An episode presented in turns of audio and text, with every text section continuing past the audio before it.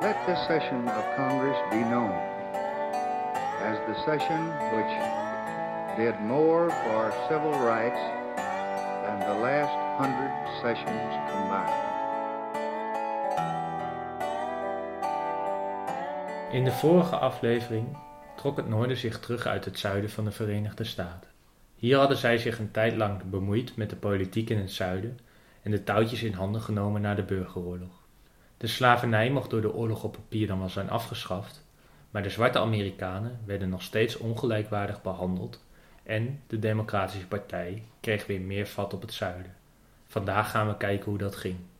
Mocht je het eerste deel gemist hebben, raad ik je aan eerst de vorige aflevering te beluisteren.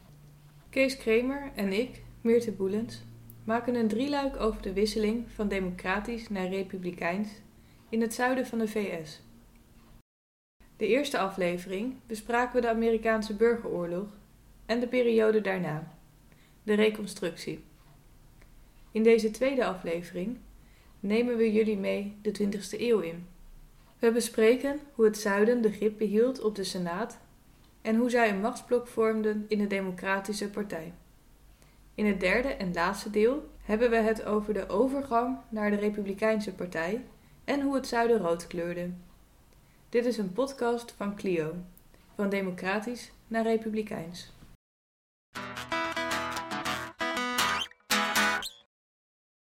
We zijn dus in 1877. De reconstructie is afgelopen. In het zuiden kwam een groep op die zichzelf de Redeemers noemde. Dit was een coalitie van kooplui, plantagehouders en ondernemers. Het was de zuidelijke elite. Zij wilden de regio redden van het mismanagement, zoals zij dat zagen, tijdens de reconstructie, en de zwarte overheersing, zoals ze dat noemden. Eigenlijk kwam het erop neer dat de overheid zich weer zoveel mogelijk terugtrok uit het publieke leven. De publieke scholen werden niet meer gesubsidieerd en dit had vooral invloed op de zwarte scholen. Er gingen schokkende uitspraken rond, zoals de uitspraak dat zwarte Amerikanen alleen goed waren voor het plukken van katoen en dat daarom educatie van zwarte Amerikanen niet nodig was. Ondertussen zie je ook dat de populatie gevangenen begint te groeien. Ze beginnen mensen naar de gevangenis te sturen voor kleine vergrijpen als het stelen van een kip. Deze gevangenen werden uitgeleend aan ondernemers, waardoor een nieuw soort van slavenarbeid ontstond. Ondanks dat de redeemers probeerden het zuiden welvarend te maken, zakte de regio weg in grotere armoede. Dit had vooral invloed op het zwarte deel van de bevolking. Er ontstond steeds meer een gesegregeerde samenleving. Het zwarte deel van de bevolking had zijn eigen instituties. En deze achterstanden zorgden ervoor dat veel zwarte Amerikanen naar het noorden vertrokken.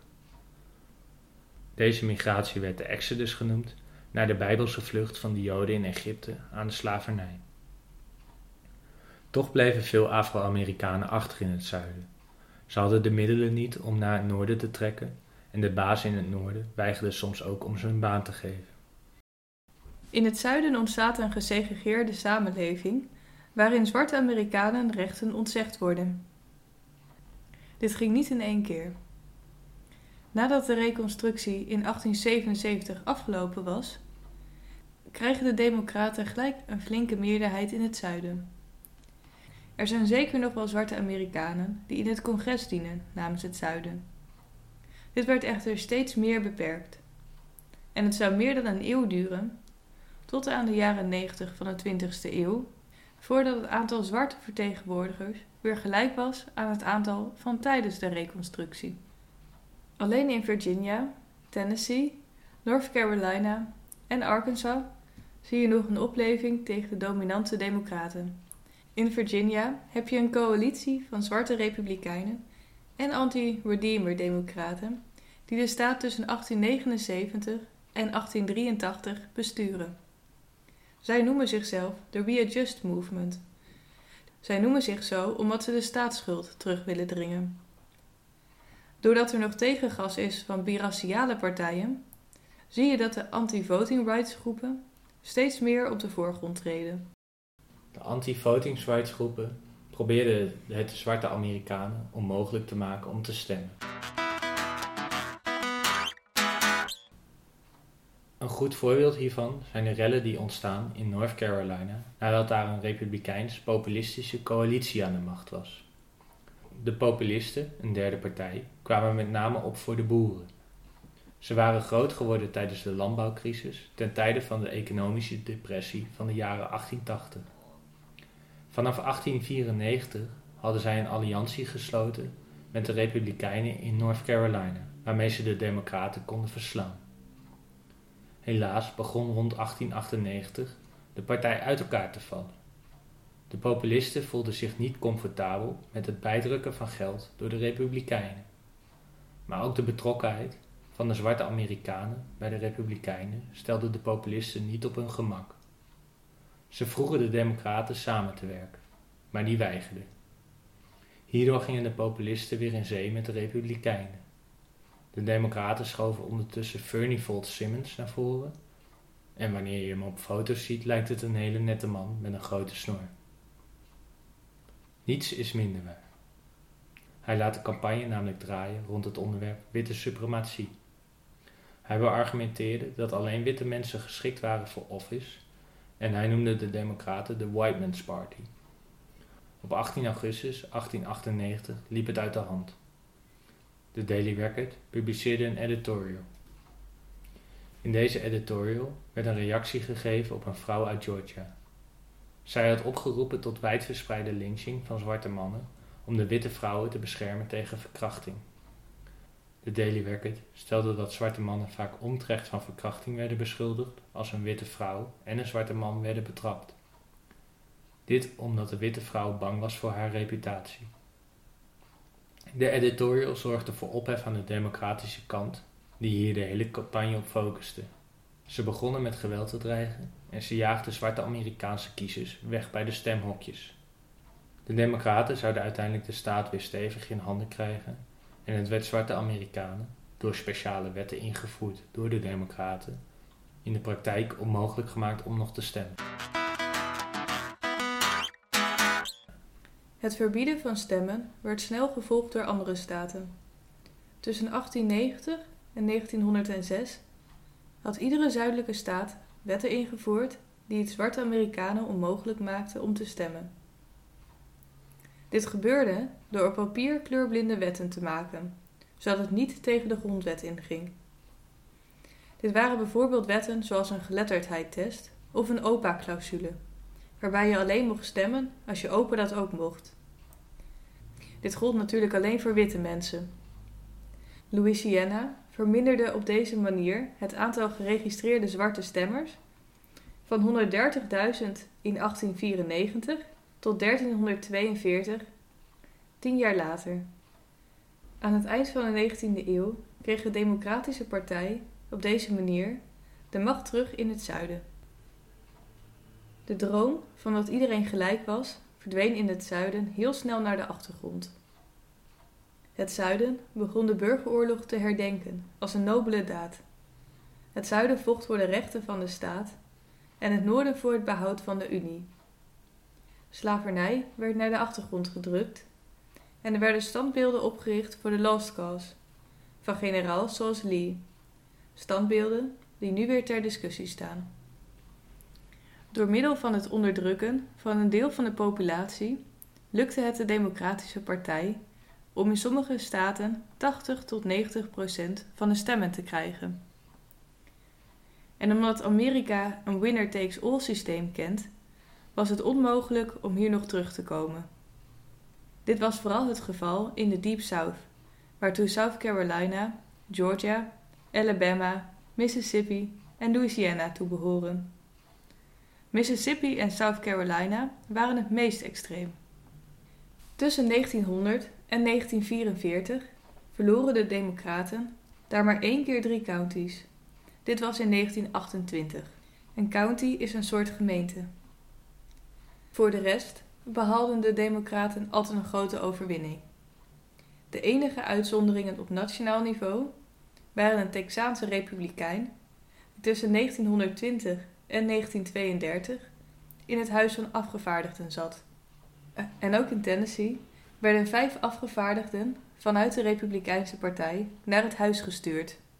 Hier werd ook een republikeinse gouverneur gekozen. Vanaf 1932 was het weer volledig democratisch in Tennessee.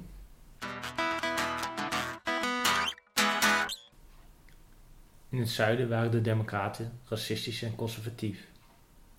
In de jaren 30 zag je ondertussen dat de democratische Franklin Delano Roosevelt als president werd verkozen. Hij was een noordelijke progressief en zette zich in voor de New Deal, een investeringsprogramma om de crisis van 1929 te boven te komen. Hierdoor zag je ook dat de zwarte stemmers in het noorden naar de Democraten trokken. Dit leidde tot spanningen binnen de partij. De zuidelijke Democraten hadden wel een grote vinger in de pap in de politiek. Dit kwam een groot deel door seniority. Seniority was een systeem dat heel voordelig uitpakte voor de zuidelijke staten in de Senaat en ook in het Huis van Afgevaardigden. Het was een regel die vooral in de Senaat wel zijn stempel drukte. Degene die het langst zat, kreeg de meest begeerde post in een commissie naar keuze. Als je bedenkt dat in het zuiden de senatoren iedere keer opnieuw werden gekozen, als lid van de Democraten, zonder tegenstand, dan is het niet gek te bedenken dat de langstzittenden in de Senaat allemaal zuiderlingen waren. Zo kon het gebeuren dat alle belangrijke commissies werden geleid door zuiderlingen. Het standaardbeeld van een senator werd zelfs een zuidelijke senator. Een zuidelijk accent, grijs, met een netjes uitgesneden maatpak. De macht werd verder versterkt doordat de zuidelingen een blok vormden, de Southern Caucus. De 22 zuidelijke senatoren kwamen samen wanneer een crisis dreigde. Zo probeerden ze met dit blok ervoor te zorgen dat er geen Civil Rights Bill werd doorgevoerd, aangezien de senatoren die vanuit het zuiden naar Washington werden gestuurd allemaal achter de segregatie stonden. Dat ze gekozen werden was ook niet vreemd. In 1940 steunde het schokkende aantal van 98% van de witte zuidelingen de segregatie. Een voorbeeld van een van deze zuidelijke senatoren is Cotton Ed Smith uit South Carolina. Ed kauwde voortdurend tabak en haalde het nog oude adagium van de Confederacy van stal in het begin van de 20e eeuw. Hij zei: Cotton is king en white is supreme. Hij was super racistisch en zou 40 jaar in de Senaat dienen, van 1904 tot en met 1944. Niet iedere zuiderling was zo openlijk racistisch. Zo was de spreker van het Huis van Afgevaardigden, Sam Rayburn, niet openlijk uitgesproken racistisch. Hij zou afgevaardigde zijn van 1913 tot en met 1961. Toch hield ook hij er racistische denkbeelden op na en vond hij dat zwarte Amerikanen minder waardig waren aan witte Amerikanen. Rayburn omschreef de tactiek van de Zuiderlingen als volgt: It takes a while for a man to learn and to get established and gain his full influence. He doesn't reach his full usefulness his first term or two. And the worst thing a district can do for itself, if it's got someone here doing his job, is to keep changing its congressman. A man makes a record here about the way he does in business, or the law, or anything else. It's hard work that makes a difference. Hier zie je dat lange termijn politiek belangrijk was voor de Zuiderlingen. Over deze Rayburn gaan we het in de volgende aflevering nog vaker hebben. Herman Talmadge, de senator van Georgia, sprak Reben in zekere zin tegen. Hij beaamde wel dat het vooral geduld was, maar dat het hard werken er niet zoveel mee te maken had of je opklom in de senaat. Hij zei: Let me tell you, you don't gain influence in the United States Senate because you work hard or because you are intelligent. You gain it for one reason, and one reason alone. You stay there long enough to get chairmanships of committees and subcommittees. That is the only way you get your hands on the levers of power. Talmadge was een van de felste voorstanders van segregatie en hij wilde scholen eerder sluiten dan dat hij ze zou mengen. Hij zou van 1957 tot en met 1981 in de Senaat zitten namens de Democraten. De Zuidelingen hadden ook een leider, Richard Russell. Hij spotte met de wetten van seniority. In 1933 werd hij verkozen en in 1941 was hij al de leider van de Zuidelijke Caucus. Dit kwam een groot deel doordat de Democraten in de jaren 20 niet in het centrum van de macht zaten en in de jaren 30 met een gigantische meerderheid werden verkozen in de Senaat. Trouwens dezelfde verkiezing als waarbij FDR, Franklin Delano Roosevelt, werd gekozen. Hierdoor werden de Democraten weer de grootste partij en mochten ze de belangrijkste pionnen leveren. Daardoor kwamen er zoveel posities vrij dat veel mensen konden krijgen wat ze wilden. En Russell had een tactiek. Hij hield voetbaar stuk dat hij in de Appropriations Committee wilde zitten, en dat is de commissie die het geld verdeelde in de Senaat. En daarmee ook gelijk de machtigste commissie is. Degene die het geld beheert, beheert de macht. Russell had al vrij snel door hoe alles werkte in de Senaat en werkte ook heel hard. Zo leerde hij de 22 formele regels van de Senaat uit zijn hoofd. En Russell was ook iemand die net als Rayburn niet openlijk racistische uitspraken deed, maar die wel alles in het werk stelde om de civil rights bills tegen te houden. Hij vond zichzelf geen racist en wordt door de pers ook gezien als een redelijke man. Toch deed hij ook mee aan de filibusters, wat Meerte zo meteen nog zou uitleggen, om anti-lynchingwetten tegen te houden. Hij gooide daarbij het vooral op dat het een aanval was op de zuidelijke manier van leven. De Senaat was ook de enige kans voor een zuiderling om carrière te maken in de politiek. De kans dat een zuiderling president werd was nihil, omdat de noorderlingen dat altijd tegen zouden houden. Daarom zaten de zuiderlingen zo lang in de Senaat en begonnen ze ook de regels van binnen tot buiten te leren. De zuiderlingen namen de Senaat uiterst serieus. Zo konden ze de agenda in de Verenigde Staten bepalen en zorgen dat het zuiden een racistisch segregatiesysteem kon opzetten en handhaven. En als het tegenhouden van wetten die ze niet meer beviel echt niet meer lukte, dan hadden de Zuiderlingen nog iets achter de hand: de filibuster. Een filibuster is dat je zo lang doorpraat dat er niet meer gestemd kan worden. Dit kon gebruikt worden omdat een senator niet meer tot de orde geroepen kon worden op de senaatsvloer als de senator eenmaal aan het woord was. Het woord filibuster is afgeleid van het Nederlandse vrijbuiter. En er werden dingen voorgelezen, zoals Shakespeare of recepten. Zo lukte het de Zuiderlingen een lange tijd om een belangrijke machtsfactor te zijn in de Senaat en in de Democratische Partij. Zoals eerder genoemd was het binnen de Democratische Partij niet alleen maar koek en ei. In het noorden werd de Democratische Partij steeds liberaler. En na de oorlog zou de partij ook stapje voor stapje veranderen. Ten eerste zou in 1948 Harry S. Truman namens de Democraten campagne voeren met een Civil Rights programma. En ten tweede zou de zuidelijke democraat Lyndon B. Johnson carrière maken in de Senaat en later zelfs president worden. Hij zou degene zijn die de Civil Rights wetten door de Senaat zou krijgen. Dit vervreemde de zuidelijke senatoren van de partij, maar hoe dit precies ging, wordt in de volgende aflevering besproken. Dank voor het luisteren en tot de volgende aflevering.